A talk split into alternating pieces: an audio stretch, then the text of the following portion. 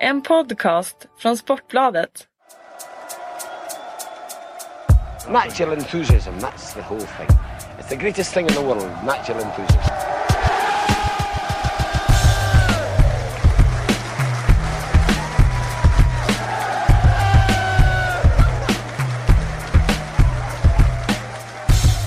Hallå, hallå där ute och välkomna till Premier League-podden. Eh, Fredrik Jönsson sitter här med två fina S, eller Jokrar kanske vi ska kalla dem, Erik Niva och Kalle Karlsson. Välkomna. Tackar, tackar. Tack! Hur mår ni? Ah, bra, men eh, nu är det ju de här tiderna när man blir lite eh, påverkad av eh, allergi och allt som slår ut ute i naturen. Så att eh, därför låter jag lite täppt i näsan i den här podden. Var du pollenallergiker som liten eller har du fått det i Tyvärr har jag varit eh, hela vägen upp i princip sedan jag var en sju år.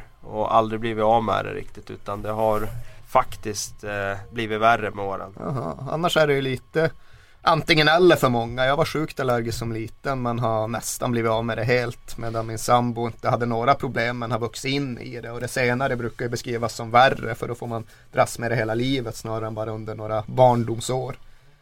Men det är speciellt som pollenallergiker. Alla brukar romantisera doften av nyklippt gräs. För, en Ja. egen, för ens egen del så är det förenat med livsfara höll jag på att säga. Ja. alltid varit en minerad lukt i min värld. Alltså jag gillar ju, gillar ju tanken på det men jag kan ju inte ligga i gräset och rulla runt eh, allt för många gånger när man har blivit glidkacklad eh, när det är nyklippt tyvärr.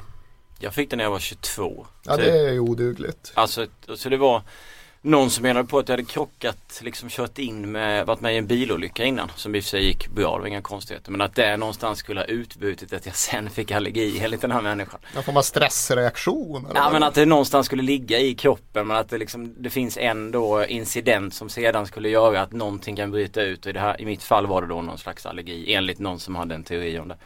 Sen, ja. Jag gick inte till botten med den teorin eller försökte överbevisa men det lät lite sådär tycker jag. Nu sitter jag här och funderar på hur vi ska få ihop någon relevans i det här men det är faktiskt inte så svårt. Det är bara att dra det till Mario Balotelli och hans eh, påstådda gräsallergi som ju då blev eh, allra mest aktiverad när han spelade. Det var väl på konstgräset i Kiev det, som han verkligen kände av sin gräsallergi. Var det någon blandversion där Ja, det var, Kiev jag eller? kommer faktiskt inte ihåg. Jag vad fan inte har de väl plastgräs på den Olympiastadion i Kiev. Men det är ju liksom det som är stommen i den skrönan. Det är just Mario Balotelli, gräsallergiker, få en stark reaktion, visa sig vara konstgräs.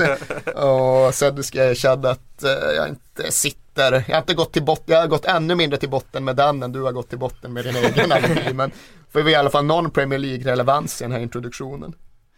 Känns lite som man tittar, när man tittar på Premier League och man kollar vad som hände i helgen så finns det ju, vi har varit inne på det tidigare, noll spänning i eh, det övre skiktet. Eh, med tanke på att Chelsea slog Manchester United och att eh, även om det är Chelsea-Arsenal i helgen en rolig match att titta på och så vidare så eh, är det inte sådär jättemycket man jublar över om man är eh, helt opartisk och bara liksom vill känna av spänningen i toppen. Nej det blev ju inte den matchen det hade kunnat bli här om eh, Chelsea hade tappat poäng där borta mot QPR här för någon helg sedan när det satt långt inne. De hade förlorat eh, senaste omgången mot Manchester United. Då hade det ändå funnits någonting i den här matchen och, och skrämma upp. Men nu känns det som att det blir en eh, ett möte mellan nästan mer med Arsenal och Wenger mot sin historia. Det vill säga att han inte har vunnit mot, mot José Mourinho då, eh, på 12 möten. Och att de någonstans får se att de gör upp med det för att ta med sig till nästa säsong. Mer än att det kommer att påverka utgången av den här säsongen. Är du besviken? Vi pratade lite innan om att det, det var bättre förr. Du har varit inne på tidigare. Ja, det var Erik som sa det här precis innan vi drog igång podden. Och det, det är ju eh, säkert i vissa avseenden. Men det är klart man vill att en liga ska leva hela vägen in. Det är ju jättetråkigt när det blir eh, slutomgångar som inte, som inte betyder någonting i titelracet. Jag menar, tittar man på spelschemat, vilket man gör i tidigt skede redan i augusti när det, när det drar igång. Så ser man slutomgångarna så tänker man att ja, men den där matchen den kommer ju bli superhäftig om det eh, om de här klubbarna är med och krigar om det. Och sen blir det ett möte nu mellan ett formstarkt Arsenal och eh, Chelsea då men där det inte ligger någonting riktigt i potten. Det, det känns lite trist såklart.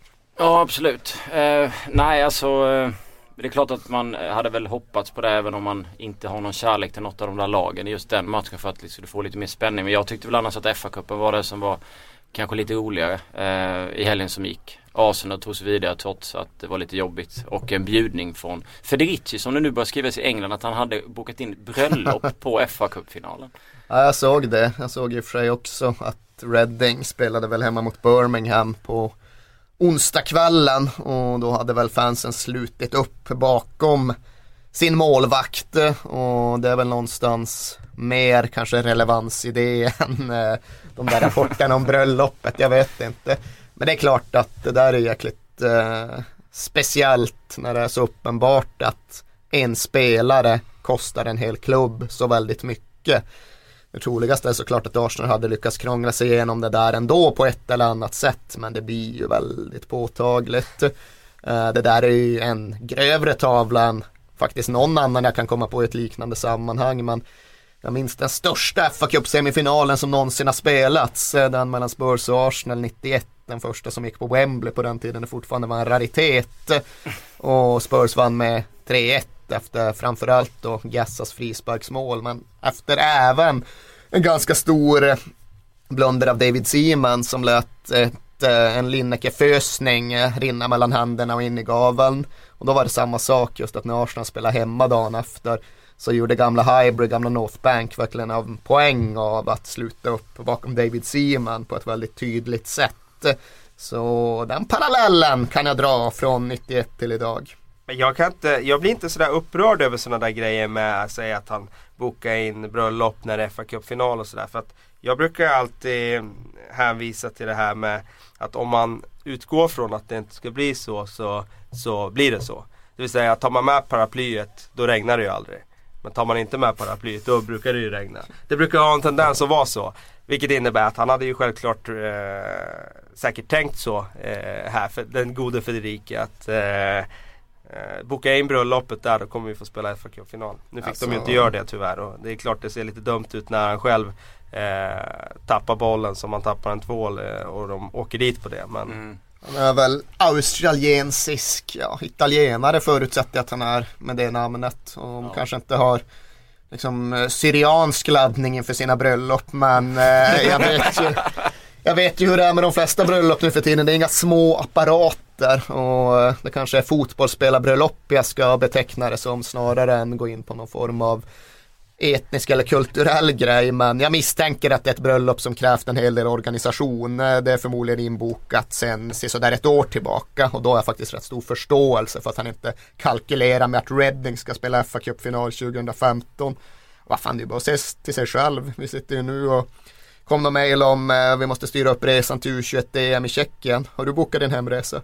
Nej.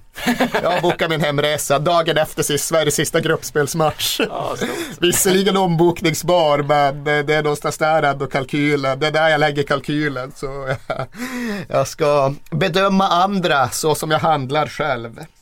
Men eh, jo men så var det väl när jag åkte till U17. Då bokade jag för fem dagar. Och då räknade jag vi att Sverige skulle åka ut efter den matchen. Ja. Men jag blev där i, i två veckor istället. Så att, eh, Nej den där kanske jag ska boka, vad bra att du påminner mig. Ja. ja, det är nog bäst. Är jag har en ganska viktig lapp också för hotellet. Ja du har det. Det är lurigt att ta sig till Brno. Det är inte så jävla nära Prag som man kanske tror. Men jag vet inte, tjeckisk reselogistik kanske inte är det lyssnarna checkar in för att lyssna på.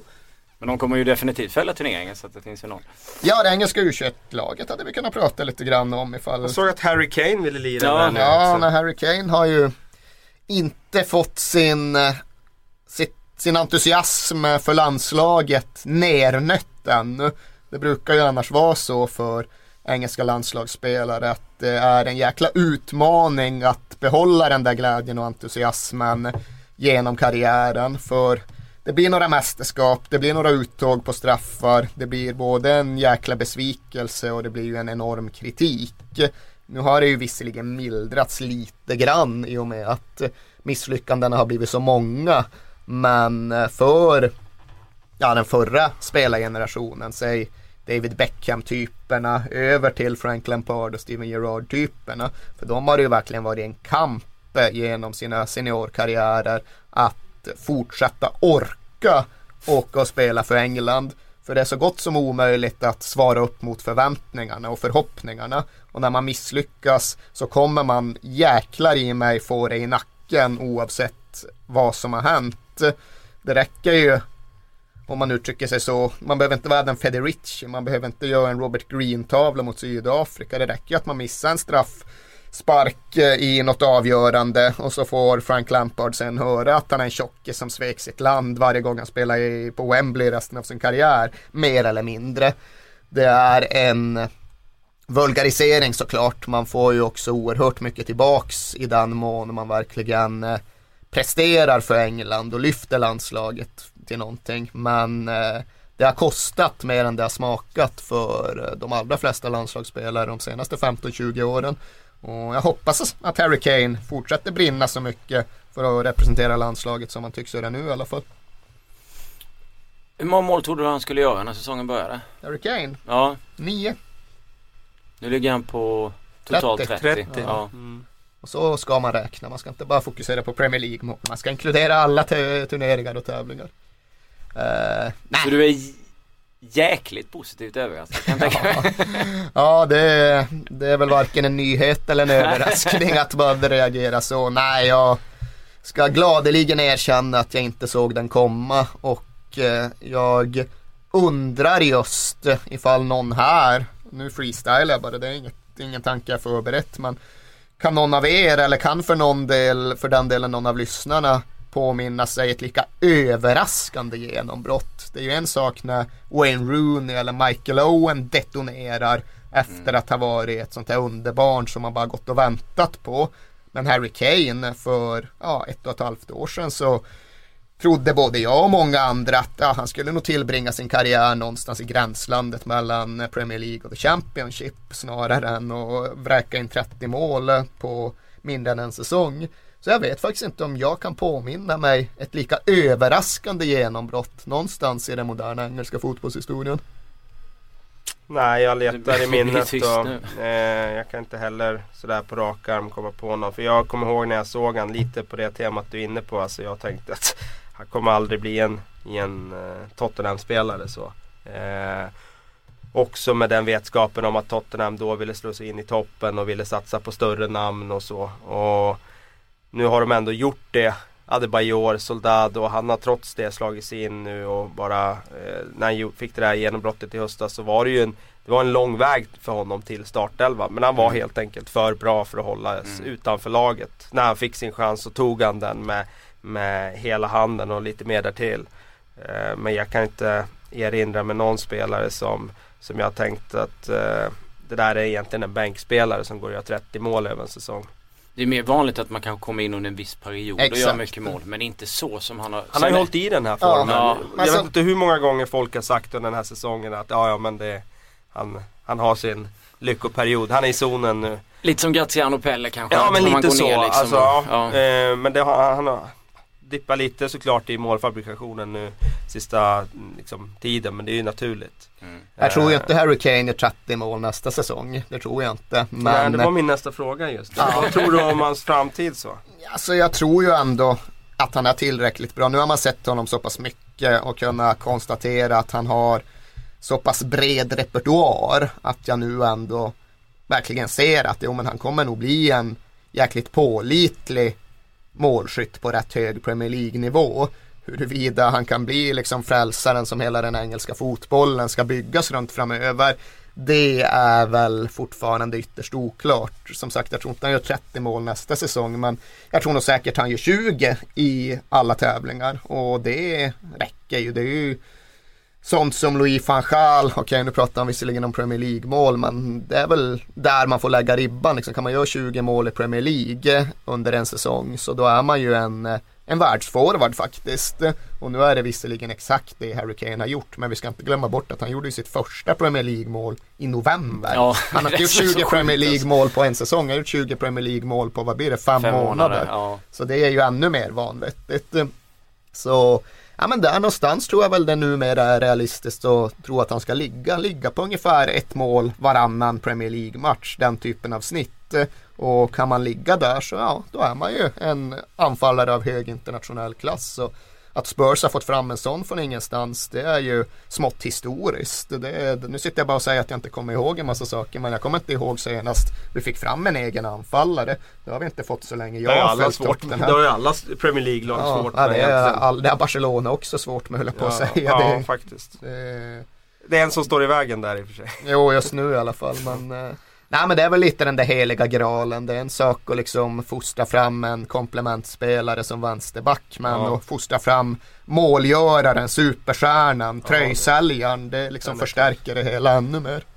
Det är det som är så fantastiskt kan man tycka i fotbollen med tanke på hur den ser ut idag mot hur den såg ut förr. Och det är det som gör lite, att den ser ut som det gör idag gör ju lite ont i själen. Därför är det fantastiskt att få fram en sån typ av spelare. Känns som att det händer typ kanske i på allsvensk nivå för att det inte är riktigt Ja, men samma. det händer ju knappt där Nej heller. det gör ju Alltså, knappt det liksom. Men det är ungefär För där drar de ju vidare om de blir så bra. Ja. Nej, men det är ju, ja ni var inne på det medan jag satt och googlade Mario Balotellis gräsallergi och zonade ut. Men jag har ju gnällt redan rätt mycket på den här Premier League-säsongen. Jag tycker det är en av de blekaste på väldigt länge. Det har liksom inte funnits någon riktigt stor historia om klubbarnas kamp. Eh, däremot är ju det här med Harry Kane en av hela säsongens just största stories. Och det är inte bara vi Tottenham-anhängare som har känt för den berättelsen utan det är ju något som verkligen har fångat fotbolls-England, fotbollsvärlden just på grund av den här gammeldags serietidningsromantiken som den, eh, den är insvept i. Så Jamie Carragher sa det för någon vecka sedan att ja, men så fort han är ute och kör bil och lyssnar på målrapporterna på radion och så kommer det väl, jag vet inte om de har måljingel på Radiosportsmanér men eh, de i alla fall rapporterar om att Tottenham har gjort mål. Och då är hans första tanke alltid hoppas det är Harry Kane bara för att det är en sån jäkla feel good story. Bara för att det finns sådana förhoppningar på att han ska kunna göra nytta för den engelska fotbollen både som målgörare men kanske framförallt just som exempel att jo men det går att eh, fostra eget det går att eh, ta vara på den egna talangen. Det finns den möjligheten kvar fortfarande och den insikten den tror jag Premier League mår väldigt bra av. Nu blir det ju oerhört viktigt både för Tottenham såklart men även för eh, Premier League i stort att Harry Kane blir kvar i Tottenham. För att nu har vi ju sett exempel på att eh, Danny Welbeck, fostrad Manchester lad, eh, spelar i Arsenals tröja. Robin van Persie som har eh, blivit en, eh, eller blev en väldigt stor spelare för Arsenal, lagkapten. Spelar i Manchester United. Mm. Cesc Fabregas eh, som fostrats i Arsenal på sätt eh, sedan han var 16 år. Mm. Eh, blev en ikon i Arsenal i, under några år där. Går till en roll, någon rival. Allt det här har ju välts över ända på ett sätt som vi inte, eh, ja, vi romantiker inte ville att det skulle göra. Och nu kommer det fram en sån här spelare som kan bli den där ikonen för eh, en av de största klubbarna. Låt oss hoppas att han får vara det, bli kvar där och kan bygga det här på sikt nu. Så jag utgår ju alltid Jag vill inte från det se Harry värsta. Kane i. Arsenals tröja. Nej liksom. men ja, det har du redan fått se på alla de där jävla sen. Men får- Nej men jag utgår ju alltid från det värsta i alla lägen när det gäller Spurs. Men just här är jag faktiskt inte särskilt orolig i nuläget. Han kommer inte att flytta till en annan Premier League-klubb den här sommaren med 100% Nej, det säkerhet. kommer han inte Förmodligen inte på några år framöver heller. Utan ska han flytta, då ska han väl gå Gareth Bale-vägen till Real Madrid. Och, ja, blir han nu så bra så då får vi väl korsa den bron ifall den nu uppstår. Men än så länge är det ju såklart väldigt långt ifrån att han har gjort den här säsongen till att han ska liksom verkligen eh, få en av Europas giganter att eh, investera hundratals miljoner kronor i honom. Och det är nog uppriktigt sagt det jag tror kommer krävas för att i så fall få loss Harry Kane under överskådlig framtid. Det är ju en sak om han blir 27 och Tottenham har stagnerat fullständigt och vi ligger på 13 plats i ligan för fjärde året i rad. Då kan han säkert tänka sig att flytta till ett Man United eller vad fan som helst. Men just nu är det inget som jag känner att jag behöver bekymra mig över än på några år vart Harry Kane ska ta vägen utan han kommer vara kvar i Spurs.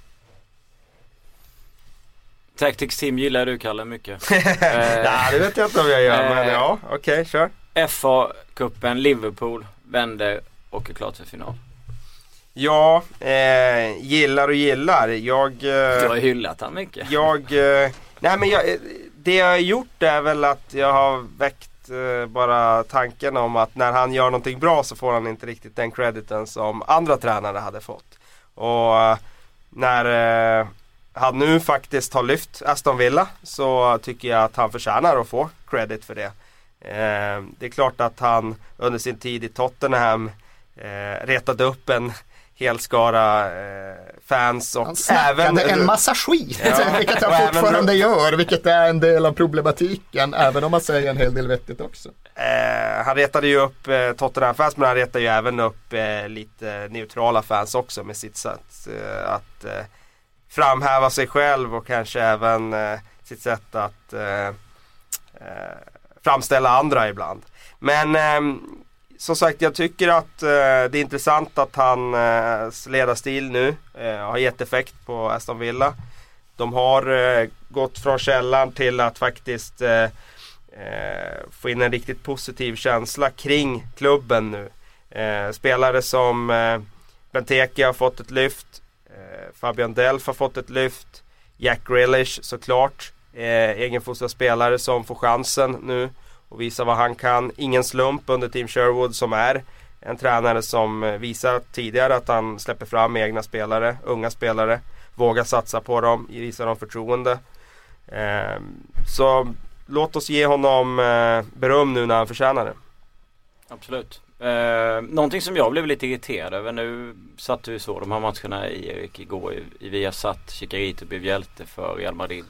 Sprang ner till ena hörnet, firade ganska rejält. Man ser på reprisbild att han pekar så här, Så det känns som att han pekar mot Ronaldo. Sen gick eh, Henri ut och sa att han tyckte att det var för jävligt. Eh, tittar man på, nu var det i och för sig en ligamatch med Malaga Real Madrid i helgen så vann Real med 3-1. Ronaldo bränner en straff. Han gör 3-1 målet. Han blir serverad öppet mål av Chicarito. Springer ner i hörnet, hoppar runt och gör sin vanliga ut med armarna och, och firar och tackar ju inte direkt Chicarito i det här läget. Vad fan var det som gjorde det? var ju någon sån här ytterst random Premier League-back som gjorde just det där Ronaldo-hoppet när han gjorde mål för några veckor sedan bara. Det var ju, vad fan, det var en, en back i Crystal Palace som gjorde mål mot QPR. Det var inte Scott Dunn för en gångs skull. Vem, vem spelar mer back fan, i Crystal Palace? ja. Ja, det var Joel Ward. Ja men det var det ta mig fan. Var det var det det? Joel Ward som Han gjorde Ronaldo-hoppet alltså. Ja, det är som försvann kul. lite i Det är skymundan. sjukt kul. Det är, näst, det är nästan lika kul som när Baffo snackar La Liga-grejen. Det är Ja, att håller för munnen när han snackar med domaren Som ännu mycket roligare just för att det är jävla Pinsamt att vi, inte, att vi Ja. missade den vinkeln. Alltså, den skulle vi ju haft när han gör Ronaldo. Det är ju Ja, alltså grejen är att jag tror faktiskt att vi missade den i Viasat också. Den liksom bara föll mellan stolar. Det var, han gjorde ju mål så här sent som fan i halvleken. Hoppas nu att det var Joel Ward. Ska dubbelkolla. Kolla? Jag Ja, men det är kan göra 3-0 det. målet mot QPR sent i första halvlek. Jag är rätt säker på att det var Joel Ward. Och då är det ju så att... eh, Stämmer. ja, 42 minuten. nu kan vi prata lite sändningsproduktion när vi ändå sitter här och snackar runt lite grann. Då har man ju redan bestämt hur halvtidspausen ska se ut rent tv-tekniskt. Man har bestämt vilka bilder som ska vara med och vilka spelare man ska prata om och så vidare. Vilka sekvenser man ska analysera. Det är svårt att hinna med att få att klippa ihop bilderna på ett sätt som gör att man hinner med det i halvtidspausen. Så där försvann lite skott där, nej, Joel Wards sekund i det svenska rampljuset. Ska han nu göra mål och göra Ronaldo-gesten då får han lov att göra det lite tidigare i halvleken så vi hinner med i klippningen. Eh, men apropå det där med Chicharito, det, det, jag noterade att det fanns just den här metadebatten att Thierry Henry hade gått ut och sagt att eh, så där kan man inte fira, han petar bara in den i tomt mål, vem tror han att han är och vad tror han att han har gjort? Och det kändes jätterandom att komma i just det här skedet. Det finns såklart en poäng som jag tror att nästan alla ställer upp på, att det finns en lite väl egocentrisk eh, dragning i dagens målfiranden, inte minst om man då pratar om Cristiano Ronaldo. Eh, men i det där skedet, eh, 88 minuten mot Atletico Madrid i en Champions League-kvart, när Chicharito fått en chans från ingenstans som ingen trodde att han någonsin skulle få igen. Han har sprungit som en jävla galning hela matchen för att lyckas få fram den där enda öppningen och sen lyckas peta in boll. Alltså, inte fan är det upp till honom att gå runt och tänka på exakt vart han pekar i vilken sekvens då. Det är väl bara att jubla som om det aldrig ska jublas igen. Och jag ser verkligen inget utstuderat där att Chicharito försöker framhäva sig själv. Liksom han blir utbytt någon minut senare och bryter ihop gråtandes på bänken för att han har passerat en sån jävla karriärsdefinierande prövning. Så jag har inte följt det i detalj. Det är möjligt att Henri hade någon liksom förmildrande argumentation eller ifall han var mer utförlig eller någonting. Men eh, så som jag fattade så hade han bara hakat upp sig och sagt att så där kan man inte bete sig i det här läget. Och det tyckte jag träffade fel ifall det nu var så. Han kanske ville tycka till för en gångs skull Henri. Med något vettigt. Oh vilken sågning för en gångs skull! ja, eh, i den situationen. Ja, ja. Utan att det blev så vettigt. Jag tyckte att det var helt fel. Jag förstår inte riktigt hur.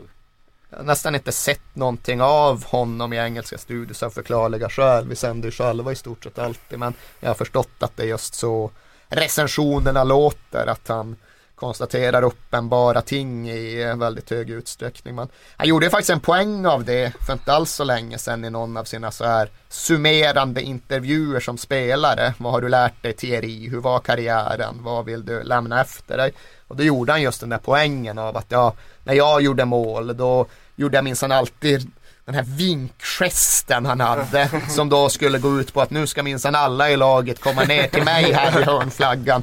för Där vi ska jag står och fira. dyrkas av fansen. Ja, hans poäng var att vi ska minsann fira tillsammans vid ett lag och det verkar ju då som att han har bedömt det här med firandet som något ganska viktigt. Sen har väl jag minnen av Thierry Henrys firanden som inte var så där oerhört lagorienterade. Men ja, för honom är det tydligen en käpphäst och det var kanske därför han kanske därför han bestämde sig för att mullra till kring det här i veckan. When you're ready to pop the question, the last thing you want to do is second guess the ring. At Bluenile.com, you can design a one of a kind ring with the ease and convenience of shopping online. Choose your diamond and setting. When you find the one, you'll get it delivered right to your door. Go to Bluenile.com and use promo code LISTEN to get $50 off your purchase of $500 or more. That's code LISTEN at Bluenile.com for $50 off your purchase. Bluenile.com code LISTEN. Jag läste Telegraph som hade gjort Dirtiest Footballs Ever, alltså 11 i Premier League.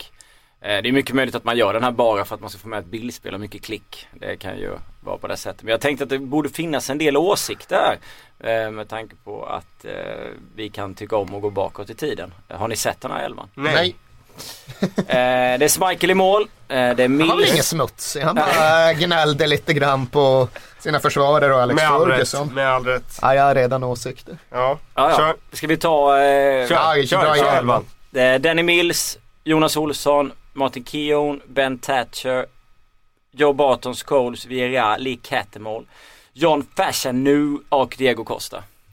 Man undrar direkt vad Roy Keane har gjort för att förtjäna att bli utelämnad. Men det kanske fanns någon motivering. Kanske känner journalisten och inte ville vara med. Kanske är för obvious. Det är det där vanliga att man ska tänka till tre varv extra för att särskilja sig Just lite Med grann. Jonas Olsson alltså? Ja, Ja. Ja den, eh, den hade jag inte räknat med. nej. Så, jag hade nog eh, eh, kanske trott att det fanns smutsigare mittbackar i, i Premier League-historien än, än vår svenske vän.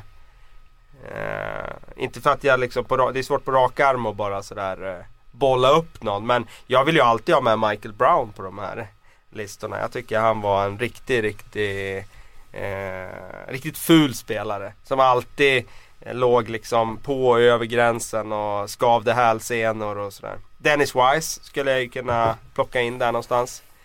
Ehm, sen är det ju det där med Alltså det var, det, Duncan Ferguson hade ju riktigt, riktigt eh, tuffa luftdueller och han var ju riktigt eh, jobbig att möta med Alltså vassa armbågar och, och sådär. Men hans värsta grej den gjorde han ju faktiskt inte i Premier League utan i skotska ligan där han skallade en, en Mm. motståndare och blev dömd i rätten för det. Eh, så att han kanske man kan motivera då att han fortfarande är utanför den där listan. Men eh, Michael Brown vill jag in, Dennis Wise skulle jag nog också kunna tänka mig ha där. Ja. Istället för Paul Scholes ska jag säga. Faktiskt. Eh, han, hans rykte som, eh, som Dirty, det tycker jag är lite överdrivet. Han, han eh, oerhört otajmade tacklingar, det är ingen tvekan om det. Men eh, eh, det är, hans, eh, hans geniala sida överskuggar det alldeles för mycket för mig för att vara Dirty. Det blir ju såklart så där man sitter och funderar kring definitionerna. Hur har de resonerat? Vad är äpplen? Vad är päron? Och liksom smutsiga. är det då att man ska ha det tjuvtricksen när domaren inte ser liksom Diego Costa style? Eller är det mer just de här liksom riktigt brutala tacklingarna?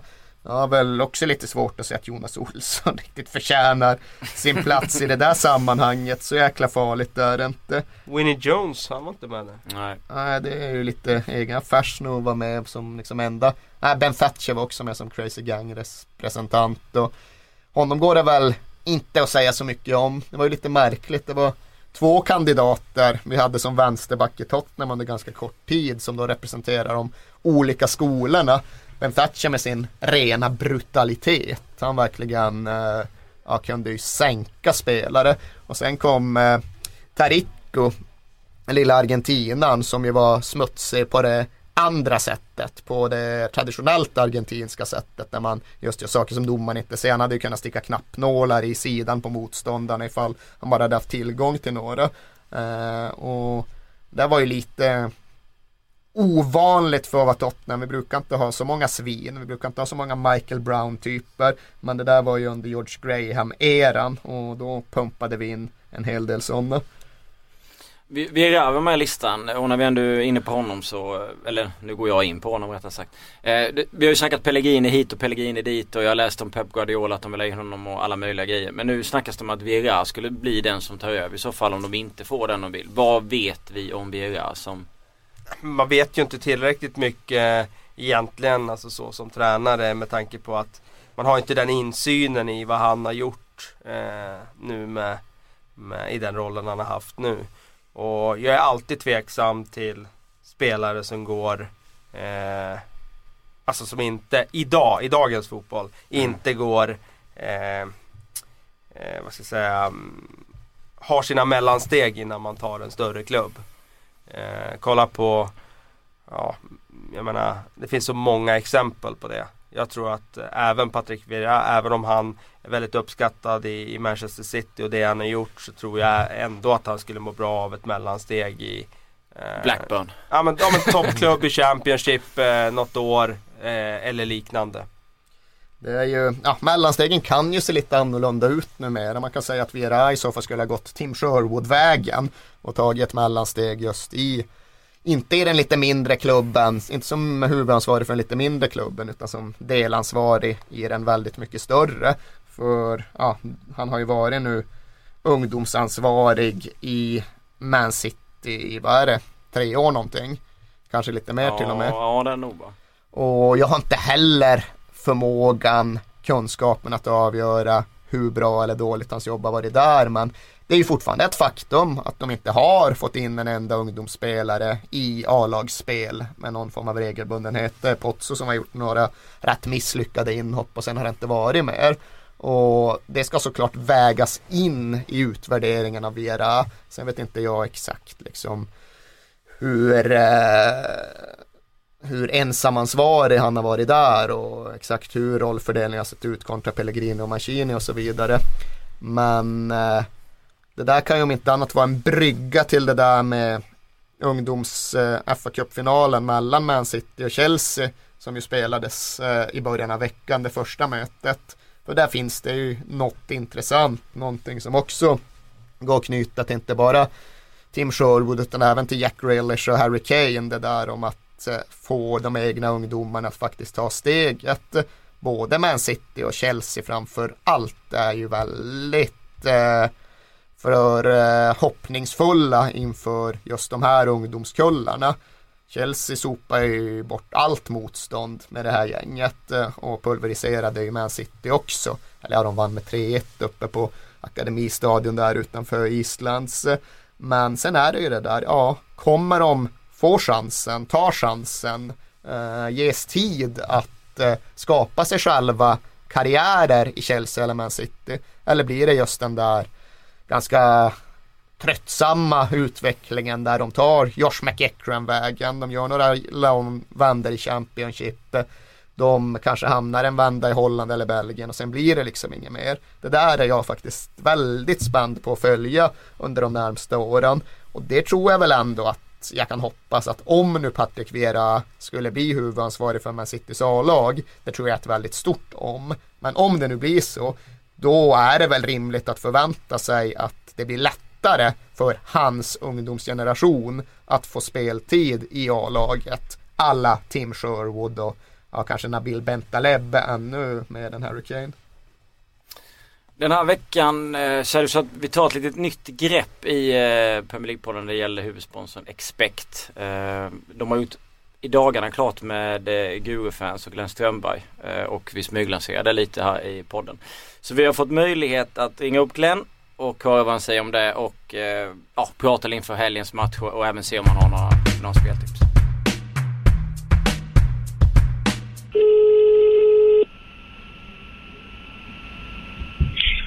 Det Glenn. Hallå Glenn! Hur är läget? Hallå. Det är alltid bra. Ja. Hur känns det nu att, eh, att site, din sajt Gruvefans har hittat ett samarbete med Expect? Det känns fantastiskt bra för att eh, dels så är det kul att ha den här egna sajten som vi har haft nu i två år här och, och eh, samtidigt tillbaka till Expect där jag själv jobbade som ambassadör i massor av år liksom och känner eh, hela gänget där. Så det är bara, bara roligt helt enkelt. Ja. Mm. Suveränt. Du har ju som sagt eh, hållit på med spel en hel del och eh, kör ju mycket Premier League eh, och så vidare och har bra koll på det. Så vi tänkte ju kolla om du har några, hittat några heta spel inför helgen. Ja, ni är väldigt heta också vill ha reda på det väldigt tidigt. Då kan man säga så här då att normalt standard som här det är att torsdagskvällen brukar vara vikt en 4-5 timmar och gå igenom helgens spel som kommer och så finslipas på fredag morgon fram till lunchtid ungefär och sen, eh, sen kommer det. Ju närmare matchen man kommer så att säga, ju mer information får du. Det kan ju hända något på sista träningen med skador, sjukdomar och så vidare. och så vidare.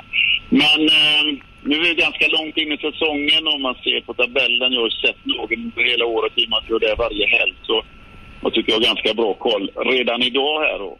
Mm. Vad, eh, vad är den bästa magkänslan inför helgen? Jag tycker det är en ganska svår omgång och man får ganska bra betalt på spelen faktiskt. Jag tror att motståndaren också tycker att det är ganska svårt här den här omgången. Ehm, den första jag kikade på som jag ville se hur oddset såg ut och den hittade jag då till 1,9 ungefär och det tyckte jag, jag var väldigt nöjd med. Det är ett underspel mellan Burnley och Leicester. Det är ju en uh, riktig, riktig bottenmatch då och uh, otroliga viktiga poäng som står på spel för de lagen. Eh, Leicester har ju strålande form och kommit tillbaka och vunnit eh, tre raka här och känner ju på något vis att eh, nu har vi gett oss själva chansen att slåss om det här kontraktet som såg kört ut för dem liksom för ett tag mm. sedan.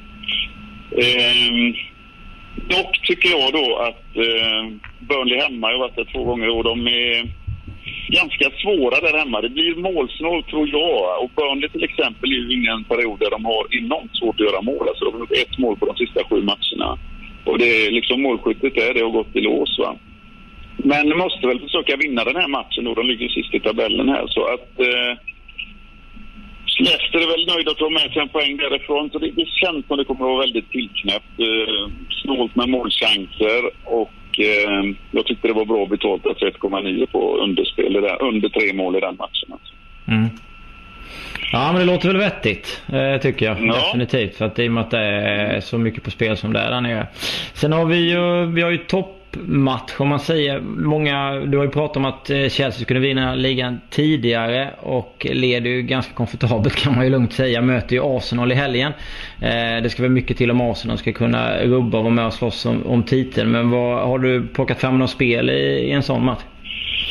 Ja, jag, jag, gjorde det till slut. I och med att det är en ganska svår omgång så känns det ju ändå som Arsenal hemma. Det är liksom ett lag som man inte slår hur lätt som helst om man kommer dit som eh, bortalag. Liksom. De har förlorat en hemmamatch i år, Arsenal. Så att eh, jag tror nog att eh, Chelsea kommer att komma dit ungefär så som de gjorde mot eh, Manchester United hemma sist. De kommer att låsa, de kommer att vara väldigt täta, de har väldigt bra omställningsspel när de ställer om från försvar till anfall. Och sådana här typer av matcher, det passar dem väldigt bra. Eh, får han med sig en poäng här, ja det är som du säger. Jag tror de vinner ligan ändå, även om de skulle få stryk. Mm. Eh, men en poäng, då känns det ju helt klart i princip. Jag tror det är målsättningen för dem. Det slåss ju Arsenal om andra platsen i tabellen ihop med United där då. Och eh, sitter väl lite efter det. Så det, känns som de två som är ganska heta för närvarande, United och Arsenal, slåss om den. Och det är väl ändå ganska godkänt för Arsenal med i FA-cupen också och så vidare. Så att jag tror att det blir svårt för Arsenal att klappa ut Chelsea där ändå. Chelsea är väldigt nöjda med poängen och Arsenal får dock med sig en poäng. Och, ja, de där toppmatcherna känns som de kanske är ganska jämna ofta. Va? Och oavsett resultat får man alltid bra betalt på i dem. Vi får 3 och 3 på den nu och eh, det tycker jag är värt att ta i det här läget. Ja, lagen möttes ju precis innan eh, jul förra året var det väl. Eller ja, och då spelade vi 0-0 hemma på för Arsenals del om man säger säsongen tidigare. Eh, så att, då hade Arsenal väldigt svårt med just Chelsea på Tottenham. Ja, då var de väldigt defensiva. Ja, precis. Sen eh, slutligen, ett sista spel, ett tredje. Ja, jag tycker när man kommer in i slutet på säsongen så här så börjar det bli enormt viktigt med motivationen i, i lagen liksom. Och mm. eh, då känns det ändå, jag trodde att den skulle ligga runt två gånger kanske, det blev 2-3 får man eh, 2,3 alltså på Queens Park Rangers hemma hem mot West Ham. Och eh, West Ham har absolut ingenting att spela för. Känns lite grann som de kanske har packat ihop det här. Och eh, Allardyce fortfarande inte i blåsväder men fortfarande lite snack inför nästa år och så vidare. Och så vidare trots att de har gjort det bra i år, West Ham. Så sista tiden så är det två lag som förlorar väldigt, väldigt mycket. Så att det är inget att hålla i handen, Queens Park Rangers, på det viset. Men eh, Samtidigt så känns det som att är det inte den sista chansen de har här. Möter ett omotiverat lag här som varken kan komma upp och ner eller i tabellen i princip på FM. Och sen åker de alltså och möter Liverpool och Manchester City borta, Queens Park Rangers. Och det är lag i toppen som fortfarande har en hel del att fightas för. Va? Så att det känns som att det är now och never liksom. De måste nog vinna den här matchen, Queens Park Rangers hemma nu. Det måste liksom vara, det är som en cupmatch för dem. Den där måste vinnas till varje pris. Mm. Och I och med att du fick en bit över 2,3 som man sa så, så tycker jag det är värt i det läget. Jag vet, som man sa innan här, att eh, det är inget lag som har litat på Queens Rangers alls. Men i det här skedet av säsongen, hemmaplan mot ett West Ham som jag inte tycker jag känner igen längre, varit väldigt, väldigt risig efter jul. Mm. Så eh, tycker jag det är ett bra spel också. Som du ser här så går jag ju ganska sällan och ta ut matcher där det är stora favoriter som ger 1,25, 1,3 eller så vidare. För det, det kan de flesta göra. Det är ganska enkelt att hitta de matcherna. Så att säga. Jag vill gärna hitta matcher där det finns en mening för mig. Plus att oddset då är tillräckligt bra i den. Och eh, det tycker jag det är de här matcherna. Ja, eh, oddsmässigt har du precis samma tänk som mig själv. Alltså, jag stöttar dig till 100% där. Eh, förutom de eh, tre spelen, det gäller någon gång som kommer nu eh, när det gäller att titta på. Vad ser du mest fram emot Glenn? Ja, jag ser ju fram emot att åka såklart till eh, Emirates och se på den här matchen på, eh, på söndag. Det, det är alltid de stora matcherna i Champions League på de stora, eller i Premier League på de stora arenorna. De är riktigt, riktigt vassa. Va? Ja, jag nämnde Champions League före den och det är för att jag är i Madrid och ska se på den också. Va? Och, eh, det är derbyt där idag. Det bara kokar här nere i Madrid för närvarande. Det kommer att bli något i hästväggar ikväll. Så att, eh, mm. nej, det är, eh, jag ser fram emot både det som händer här idag ikväll och eh, helgen som kommer i, Premier League. Kanones. Vi tackar dig Glenn och Expect för pratstunden så hoppas vi hörs snart igen. Sköt om dig. Det gör vi säkerligen. Ha det gott.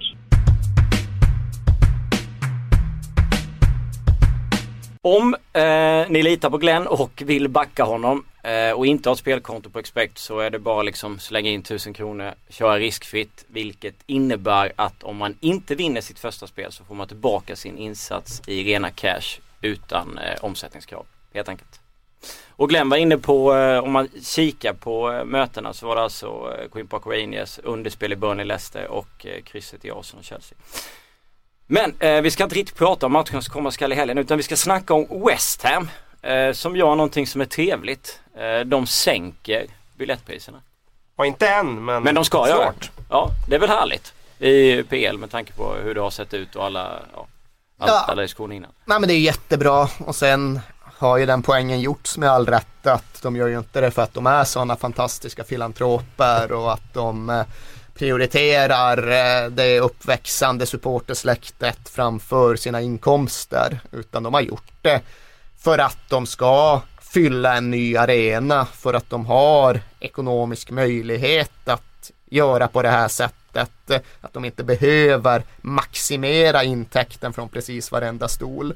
Men det kan väl faktiskt få lov att vara randanmärkningar och kringkonstateranden. Det viktigaste blir någonstans ändå kontentan och det är ju att ja, det är bra. Det kommer öka möjligheterna för just det traditionella West Ham-släktet som har flyttat ut från East End till Essex med i alla fall liksom för den nya generationen att gå på fotboll, för ungdomsgäng att gå på fotboll, för några andra än medel och höginkomsttagare i 40-45 års åldern att gå på fotboll och det är bra. Det är något som Premier League verkligen behöver. Tror ni att vi kommer få med oss fler? Jag tror att det kan ge ringa på vattnet men eh, jag vet inte om det är just West Ham som drar er utan eh, jag tror att eh, det finns ändå en nu, nu, är jag kanske naiv men jag tror ändå att det finns en eh, en ambition i Premier League nu när TV-avtalet har sprängt alla gränser att ändå förstå att eh, supportrarna är inte bara kunder utan vi kanske ska eh, lätta lite på, på den här eh, alltså prisnivån när det gäller just biljetter. För det, det, är en så otroligt liten del av deras intäkter nu när tv-avtalet har blivit så eh, astronomiskt stort. Så att eh, jag tror att eh, vi kommer få se fler klubbar som ändå sänker eh, framöver. Ja. Det blir en speciell situation för nu befinner sig West Ham i ett nytt läge. Ett för Premier League väldigt ovanligt läge för de allra flesta klubbarna säljer ju ut sina arenor utan att anstränga sig det minsta. Eh, beläggningen är ju extremt hög och så länge den är det då finns det någon instinktiv ryggradsreflex hos eh, de här ekonomiskt styrda klubbmänniskorna att maximera intäkterna från i stort sett varje stol. Visst, de fixar alltid ihop några erbjudanden som de liksom kan visa upp att ja, den billigaste säsongsbiljetten för uh, ungdomar, de är så gott som gratis. Men det är ju liksom som Ryanair-stolar, att ja, ja, men ni har två biljetter till det här priset som släpps var åttonde vecka i fullmåneläget och tar slut efter 0,4 sekunder. Det är liksom det är mest bara en fasad, utan i grunden så vet de att de säljer ut och då är instinkten att maximera intäkten från precis varenda stol. Bättre att sälja den för 80 pund till den influgna turisten som spenderar ytterligare i megastoren än det är att rea ut den till den lokala ungdomen som knappt har råd att köpa fish and chips i pausen. Eh, men förändringen blir just här i och med att West Ham inte kan förutsätta att de säljer slut på 54 000 platser varenda gång. Nu tror jag visserligen att om de får lite snurr så kommer de också få en större del av fotbollsturismen framöver i och med att det är en Londonklubb och det är mycket turister i rörelse. Men till en början så vill de helt enkelt ha in fler människor på arenan och det är det som är det viktigaste. Och då blir det även mycket närmare till hands att välja den här vägen. Att välja billigare biljetter, fler stolar till lägre priser. Och konsekvensen som väl i slutändan blir det vi också ska utvärdera det är just att ja men okej det kanske inte är av rent eh, guldhjärtade anledningar men det slutar ändå med att eh, fler eh, nya West Ham-supportrar, fler unga West Ham-supportrar, fler ja, jag ska inte säga fattiga, men fler mindre ekonomiskt välbärgade West Ham-supportrar få en chans att gå regelbundet. Och ja, det är bra. Tre raka vinster för Leicester. Varför har de tagit dem och vad talar egentligen för att de liksom blir kvar i det? Om man tittar på botten där det ser lite annorlunda ut för vissa andra lag. Uh, Nej, jag vet inte riktigt egentligen för att det var väldigt lite som talade för dem. Men det kändes som den där matchen de vände på hemmaplan där. Vilka var det de mötte? De gjorde två mål i slutet där. Var väl West Ham? Var det West Ham de mötte då? Ja det var det kanske. De gjorde ett sent segermål där i alla fall. Och det kändes som att, jag kommer ihåg sista tio minuterna, de hade sådana otroliga chanser utan att få in den. Och det kändes som att eh, den här oturen jäckade verkligen dem. Men det kändes som att när de väl fick den segern då, då, då har de haft ganska mycket motflytt hela säsongen. Att det kanske vände lite grann där. För nu har de ja, som att de själva insett att ja, vi kunde faktiskt vinna en match. Och nu har de plötsligt bara surfat på, hamnat i den här sköna flowet där man surfar vidare på den här vågen. Sen eh, svårt att säga men vad liksom vad det mer är rent speltekniskt men Nu har gått över på trebackslinje. Eh, senast spelade de ju 3-4-3 egentligen. Och det finns ju några spelare nu där som har varit positiva inslag. Cambiasso till exempel. Mark Albrighton, den gamla Aston Villa-liraren som faktiskt eh, har visat de där tendenserna som han visade när han kom fram en gång i Villa för en fem år sedan eller vad det är. Så att eh, Ja, det, de har eh, bra flow nu Leicester och det känns som att med Eh, när man har det här självförtroendet tillbaka så, så, och krigar med kniven mot strupen så kan man faktiskt överraska mot vilket lag som helst. Man avgjorde sent mot West Ham och vände mot West, West Bromwich. Ja, ja precis. Men det var West Ham-match jag menade, hemmamatchen. Ja. Gött att Cambiasso ut fyra baljer den här säsongen. Kanske inte riktigt jag trodde när han när det började men eh, alltså eh, ångestmatch är det ju verkligen i Burnley-Leicester. Alltså det är ju, jag vet inte riktigt vad jag ska ta vägen om jag hade suttit och hållit på något av de där lagen. Vad, har ni några tankar kring det där? Ska ni titta på det där eller väljer ni att titta på annat helgen? Ja, jag ska absolut eh, följa den matchen med högsta tänkbara intresse. Spurs spelar väl tidigt och det där är väl en eh, fyra av spark. Men Burnley befinner sig lite där Leicester befann sig för tre veckor sedan. De eh, gör mycket rätt de jobbar fantastiskt hårt, de anstränger sig bortom alla tänkbara gränser. De är med i alla matcher. De eh, kämpar och stångas och sliter men de får ju inga segrar med sig. Och det, han, ja, det känns verkligen som att det här är säsongsdefinierande för båda de klubbarna. Kan Burnley bryta sin bubbla och komma in i någon form av flow så då kan nog de surfa hela vägen och vice versa då fast lite omvänt för Leicester. Eh, så ja, det är väl bara att konstatera när man sitter och gnäller på att det är lite blek liga. Det här är helgens match. Ja, det här är, det är vårens match ja. eller på att säga. Ja, Efter ja, Liverpool Man United kändes ju oerhört avgörande för fjärdeplatsen och när den var spelad så kändes det rätt klart.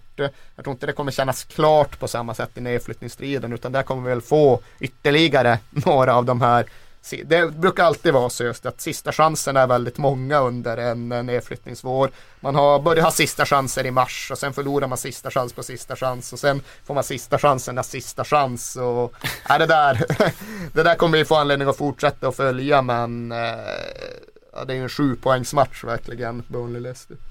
Men det blir ju så, eh, alltså av förklarliga skäl att man hellre söker spänningen och då söker man väl det som är i botten för tillfället med tanke på vad som händer där uppe. Men har ni några så önskesaker eller önskelag som ni vill ska stanna kvar på grund av hur, hur de klubbarna är eller är det någonting som man kanske inte vill sitta här och uttala sig om för att... Det kan jag göra. Burnley vill jag ha kvar, absolut. Just för att det är den här lilla, ganska gammelmodiga lokalt förankrade klubben som kämpar mot oddsen både på och utanför plan. Jag vill absolut ha kvar Burnley. Eh, inte nödvändigtvis på Leicesters bekostnad. Jag brukar ofta tycka att det är okej okay om de mer i mina ögon vanskötta klubbarna åker ur. Och jag har liksom inga problem med om ett QPR åker ur eller om ett Hall åker ur eller ja, för den delen faktiskt till och med ett Sunderland åker ur. Eh, eh, Sunderland är ju av en annan dignitet än de två andra klubbarna jag nämnde och där finns det ju egentligen samma argument för att gilla klubben som det finns eh, runt Burnley. Men de argumenten är så oerhört mycket svårare att komma åt här och nu. Så de måste kanske ja, där skulle det kanske finnas något lite renande i att behöva åka ur och börja om och hitta tillbaks till kärnvärdena. Eh, så ja, just de vanskötta klubbarna kan i mina ögon gärna få åka ur och jag tycker definitivt inte Burnley tillhör dem. Jag är så otroligt överens med dig. Det är de där klubbarna jag också vill. Ja, det är klart du vill ha Sunderland. Eh, men, eh, ja, jag vet. Jag kanske inte ville betona just Sunderland. Men jag, jag, känner i alla fall så definitivt runt QPR och Ja, men jag är inne lite på samma spår som dig där med Sunderland. Att nu har de stampat och stampat och stampat de senaste åren. Hängt sig kvar med sista livhanken. Gjorde den här sjuka grejen förra året var det väl va? Ja, året innan det också. Stamford Bridge och ja, ja. Så att eh, det känns som att eh, de kanske skulle behöva en ny start. Samtidigt är det så här, det är inte bara att studsa tillbaka. Det är bara att kolla på de klubbarna som åkt ur de senaste åren. Det är, det är tufft att ta sig tillbaka. Eh, det kan eh, i värsta fall vara så att man krigar i, på under halvan och runt strecket. Det nedre strecket i Championship året efter. om helt, det går illa. Är du helt trygg med Newcastle eller? Eh, nej, det kan jag inte säga att det är. Jag tänkte å andra sidan att jag skulle låta den här podden vara utan mitt Magpies. Eh, nej men det ser bedrövligt ut. Formen är ju katastrof. Vunnit tre matcher under våren. Vann fem matcher under våren förra säsongen så att det är liksom två mindre till och med. Så blir det ju när man byter ut en, eh, en ja, stjärntränare. Jo, jo en, en vinstmaskin ja. som är Lampadio går. Nej det är väl inte jag. Alltså jag känner mig Alltså det som talar för tryggheten är ju att de lagen under är så bleka mer än det är inte så att Newcastle är bra nog att egentligen få stanna kvar utan det är mer att QPR och Hull och Sunderland har sådana problem. Ni har 35 som... poäng nu va? Ja, Någon poäng det är sju poäng ner till. Eh, men vi... Nej, det kommer inte krävas 38 i år. Men möter ju ändå Leicester. Eh, tror jag vi gör och sen är det väl ah, eh, möter i och för sig Western som inte har något att spela för heller. Men det är typ några sådana matcher som, om inte jag har helt fel, liksom, som har med eh, Vi har QPR kvar. Vi har Leicester kvar. Vi har VBA kvar. Där är Tony alldeles för smart för John Carver så det blir det stryk. Och sen har vi Swansea och West Ham också.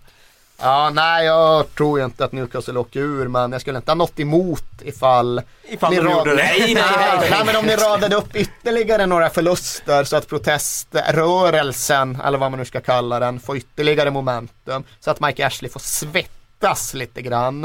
Eh, innan det förmodligen ordnar upp sig ändå. Men okej, okay, vi ska inte fastna där. Men vi kan väl konstatera att fan det It's grim up north som det brukade heta och då specifikt i nordöst. Nu räknar väl varken jag eller någon annan egentligen in Hall i det riktiga nordöst men mm. de eh, är ju därifrån. Och det är tufft i Newcastle, det är tufft i Sunderland. Bra i Middlesbrough som undantag men dit jag vill komma det är ju hela vägen ner eller upp beroende på om man pratar tabeller eller geografi till Hartlepool detta klassiska Hartlepool United, Brian Cloughs gamla klubb, mm. som kämpar för livet längst ner i fjärde divisionen. De åker ju aldrig ur, de, jag vet inte hur lång deras obrutna svit är i det riktiga ligasystemet. Men nu har de ju legat under strecket där i stort sett hela säsongen. Men häver sig, häver sig, häver sig långsamt uppåt. Har tagit sig över det där jäkla strecket. Ronnie Moore har istället knuffat ner sitt gamla Tranmere. Men de om man pratar ångest och måste matcher och viktigheter och för den delen det engelska nordöst. Så kolla upp hur det går för Hartlepool United i deras nästa matcher. De lever och dör med några få resultat här framöver. Borough har ju... Vet du vem som spelar i Hartlepool apropå ingenting? Nej. Och vet du, som Francis något... Jeffers höll jag på att säga. Nästintill fast byt kroppsbyggnad eh, till eh, egentligen den inverterade motsatsen. Jeffers liksom ganska kort, ganska tunn, fox in the box. Du ska ha en anfallare med helt annan metabolism. Eh, vad heter han? Eh, Marlon Harewood.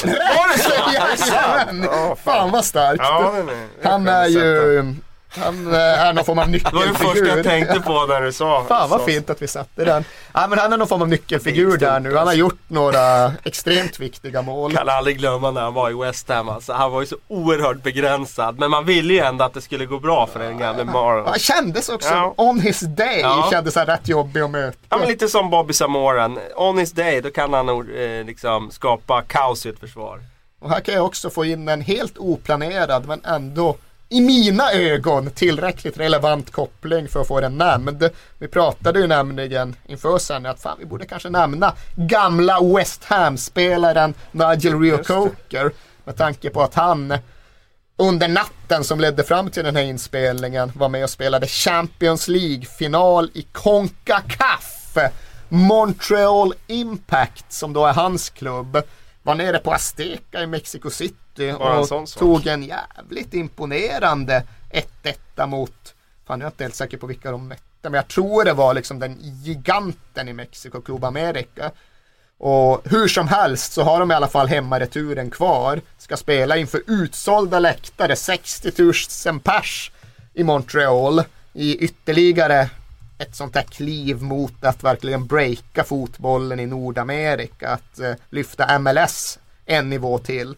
Där är Nigel Rio Coker central. På samma sätt som Marlon Harwood är central i Hartlepools överlevnadskamp i en annan del av fotbollsvärlden. Har de kvar sina kanoner där, Divaio och sådär? Montreal? Nej, det tror jag inte. De har en argentinare som typ heter Piatti som ja, så designated stämmer. player. Ja, det stämmer. Och, bara, och det är inte Pablo Piatti nej, förstås. Exakt. Det, Ja, det var någon kille, jag tror de tog han från San Lorenzo, att han var med och vann Libertadores med San Lorenzo. Ja, det stämmer. Jag ska verkligen inte svära det stämmer. på det. gör det, stämmer, fan vad skönt. Ja. Att han skulle just ha lite såhär big game experience. Han var van vid tuffa bortamatcher typ på Azteca.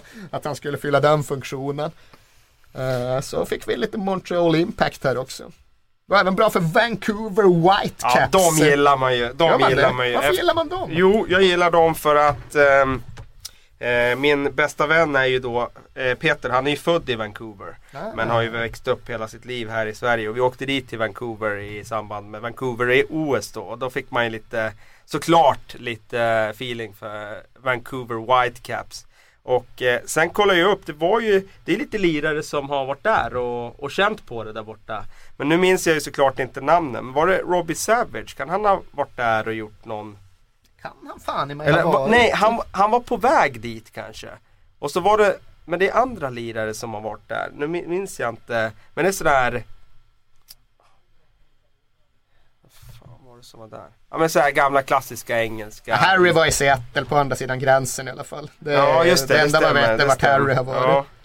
Uh, stämmer. Robbie Earnshaw är ju i Vancouver. Nu? Ja. ja det, det är ju stort. Det är ja, ja, ja, det räcker ju. Det är ju... Annars tänker jag mest på han som, eh, det var väl någon från Vancouver sidan som var i Sverige och, och eh, provtränade för någon klubb.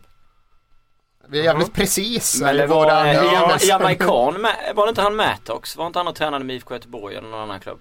Jo det måste det varit. Ja vi är kanske lite flummiga där men eh, du hade ju helt rätt på 1-1 och vilka de mötte. Det var Club America. Ja absolut. Den matchen är ju nästa, nästa vecka, 30 returen. Jag tror inte att de har några fler tydliga Premier League Men är inte det ett, Nej, men det Vancouver är väl ett lag som kör, som eh, kör på rätt hårt va? Ja Vancouver klassiska... de går bra i MLS. Jag vet inte exakt hur bra de går. Jag vet fan inte ens hur tabellen är utformad i nuläget. Jag, vad jag men... känner på så är det, ligger de högt upp i tabellen och kör ganska frejdig fotboll. Apropå allsvenskan, vet du vem, vilken allsvensk spelare, eller med allsvensk koppling nu som är i Vancouver Whitecaps? Inte en svensk, men en, en gammal AIK-spelare kan jag säga för att liksom göra det lite Position? Eh, defensiv mittfältare i mina ögon. Inne mittfältare. Eh, Nigel Rio Coker esk Ortiz? Nej. Mm. För, eh, eh, Skandinavien eller OP eller? Eh, han är väl holländare om man tittar i passet har jag för mig. Eh, nu måste jag i och för sig göra en dubbelkoll där så att jag inte, han spelade i Holland, jag kan bli lurad av det. Eh, han är nog ta med tusan Ja just det, han spelar ju sin landslagsfotboll för Norge. Jaha, eh, eh, ja, vad heter Amadou. han? Kort. Eh, ja, du är nära Kalle. Eh, Jönsson vet fan vart han är. Vad heter Pamaduka. Precis. Ja, Just han, spelade, han var i Holland, jag tror han just etnisk gambier men spelade ändå för Norge. För Norge. Hur gammal är han? Har inte han lagt, alltså jag trodde han typ hade lagt av. Han måste ju vara 33-34. Det måste det stör mig att jag inte kommer på de här gamla klassiska lirarna som har lirat för Vancouver Whitecaps. Men det är ju sådana här, det är inte ja. Robbie Earnshaw generationen utan vi är tillbaka på liksom sådana som var där på 80-talet. Liksom. Sådana lirare som ja. rundade av karriären där på 80-talet. Jag vet att det var spelare som gjorde ja, jag vet, jag kollade lite på dem vilka de var när han Mattox var och provtränade här. Eh, eller under och då vet jag att Earnshaw Antingen har han varit där eller så är han kvar där. Ja men han kan nog vara kvar där, det klingar ändå. Men det var hur som helst bra att du kom in på det för att jag började kolla på frågorna och då var det eh, att han tyckte att det var dags Sebastian att vi skulle prata om just Nigel. Eh, han skickade in en... Vancouver Whitecaps tror du Ja, Whitecaps blev det Den har varit oväntad. Ja men det, nu fick vi ju anledning att göra det. Det är väl kanske inte helt enkelt att hitta en anledning varje vecka men jag minns Rio Coker när han ja, men hade så Joey Barton hybris under någon säsong för 5, 6, 7 år sedan när han liksom just gick ut och lanserade sig själv som den eh, underskattade engelska mittfältaren som minsann han borde få chansen i landslaget och ruska om burarna där Lampard och Gerard var alldeles för bekväma. Och han gjorde intervjuer där han som så ofantligt överdrivet många andra gjorde sina poänger av att han hittade sin eh, stormatchmentalitet genom att läsa den gamla kinesiska krigsboken The Art of War av Sun Tzu eller vad fan han hette. Det var en period där det precis varenda fotbollsmänniska skulle lansera sig själva som stora eh, innerliga intellektuella giganter som gjorde sig redo för strid genom att läsa den där jävla Art of War. Jag är helt säker på att Nigel Rio Coker var en av dem. Det gillar man ju. Ja, gör man det? Alltså jag, ja, man gillar det kanske någon gång, men det blev ju verkligen att eh, ja, det blev någonting man förväntade säga liksom. Ja, men hur, hur eh, jobbar du med det mentala för egen del. Liksom. Vad kan man göra där för att bli bättre och utvecklas? Ja, man ska läsa The Art of War av Sun Tzu. Det, jag vet verkligen inte. Ska passa på med några frågor innan vi rundar av. André Hög undrar om ni har fått göra en wife swap bland tränare, alltså byta två tränare mot varandra. Vilka, vilka hade ni valt? Jag hade valt John, bytt John Carver mot José Mourinho. John Karev, sa du det? John, nej, John Carver. ja. Han sa faktiskt John Carver. Ja, Eller okay. kanske John Carver mot Alan Pardew. Men det intressanta då är det, det är att det ska gynna båda klubbarna. För annars går det ju Du får ta den här Kalle, jag ska googla lite på Rio Coker och hans läsvanor så länge. Var han Premier Leagues yngsta lagkapten när han blev det? Någonsin? När han fick vinden där eller? Rio Coker. Rio, ja, det vet jag fan. Nu, jag hittade när Rio Coker pratar om The Art of War av Sun Tzu här. Liksom. Han säger It's a great book. It's such a complex book that however you want to look at it, you can look at it. Det behövs inte mer. det, det räcker jävligt ja, långt. Ja, det räcker långt. Uh, ja, men Utmaningen då Jönsson, det måste ju vara att det ska gynna ja, båda klubbarna för annars... Eh, jag ska inte så... ta mitt svar på allvar. Nej, jag förstår det. Eh, vilken skulle det kunna vara då?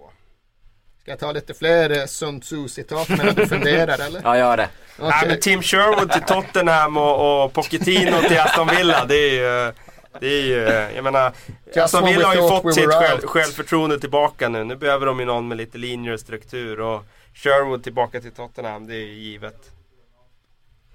Yes, when we thought we were out they pull us back in.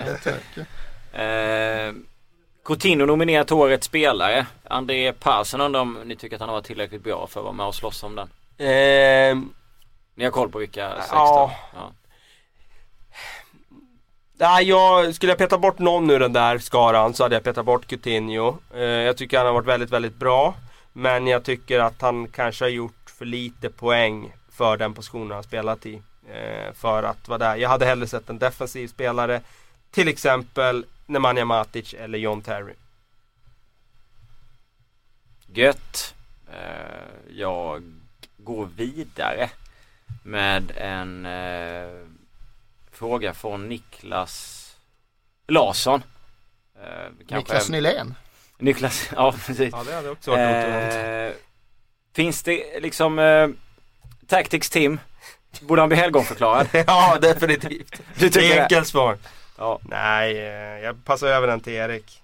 Ja nej men det är ju, vi pratade tidigare om så här subplottar. Alltså, Om han nu vinner kanske titeln på Wembley får vi väl. Sidohistorier i det här årets engelska säsong och där tycker jag ju absolut att Aston Villas revitalisering är på väg att växa ut till en av de större historierna. Återigen om de skulle vinna FA-cupen, vilket jag ju fortfarande håller för otroligt, men om de skulle lyckas göra det, då skulle det vara en jättegrej. Och redan nu bara det faktum att han har blåst liv i en av de allra mest stagnerade Premier League-bjässarna som överhuvudtaget finns. Det är värt jättemycket. Det är ju det man väntar på ska hända i Newcastle till exempel. Det har han ju redan lyckats med i Aston Villa. Sen får vi se om det är någon tomtebusseffekt eller inte. Men bara att liksom komma in där och blåsa bort den där jävla depressiva dammhinnan som har legat över Villa Park så länge. Det är fantastiskt mycket värt. Så det var ett ja på frågan om man ska bli helgonförklarad ja, alltså? Absolut, ja. tveklöst. Bra. Eh, ska vi runda om med den här frågan? Jag håller på ett tag. Eh, den är lite, lite svår att svara på. Men eh, Ove undrar, när vinner Harry Kane Ballon d'Or? ja det var ju... Samma dag som Tim Sherwood blir helgonförklarad. Ja precis. Det var ju folk som på allvar, på allvar eh, vid eh, ja, drygt ett år sedan undrade om inte Aaron Ramsey skulle vinna Ballon d'Or. Och eh, ja, jag svarar väl ungefär samma sak. Eh, när det gäller Harry Kane, att det är en bit kvar. Eh, tack ska ni ha för att ni var med, Kalle och Erik. Vi eh, rundar av med detta. Hörs igen om en vecka så får ni ha en så bra helg som möjligt ute.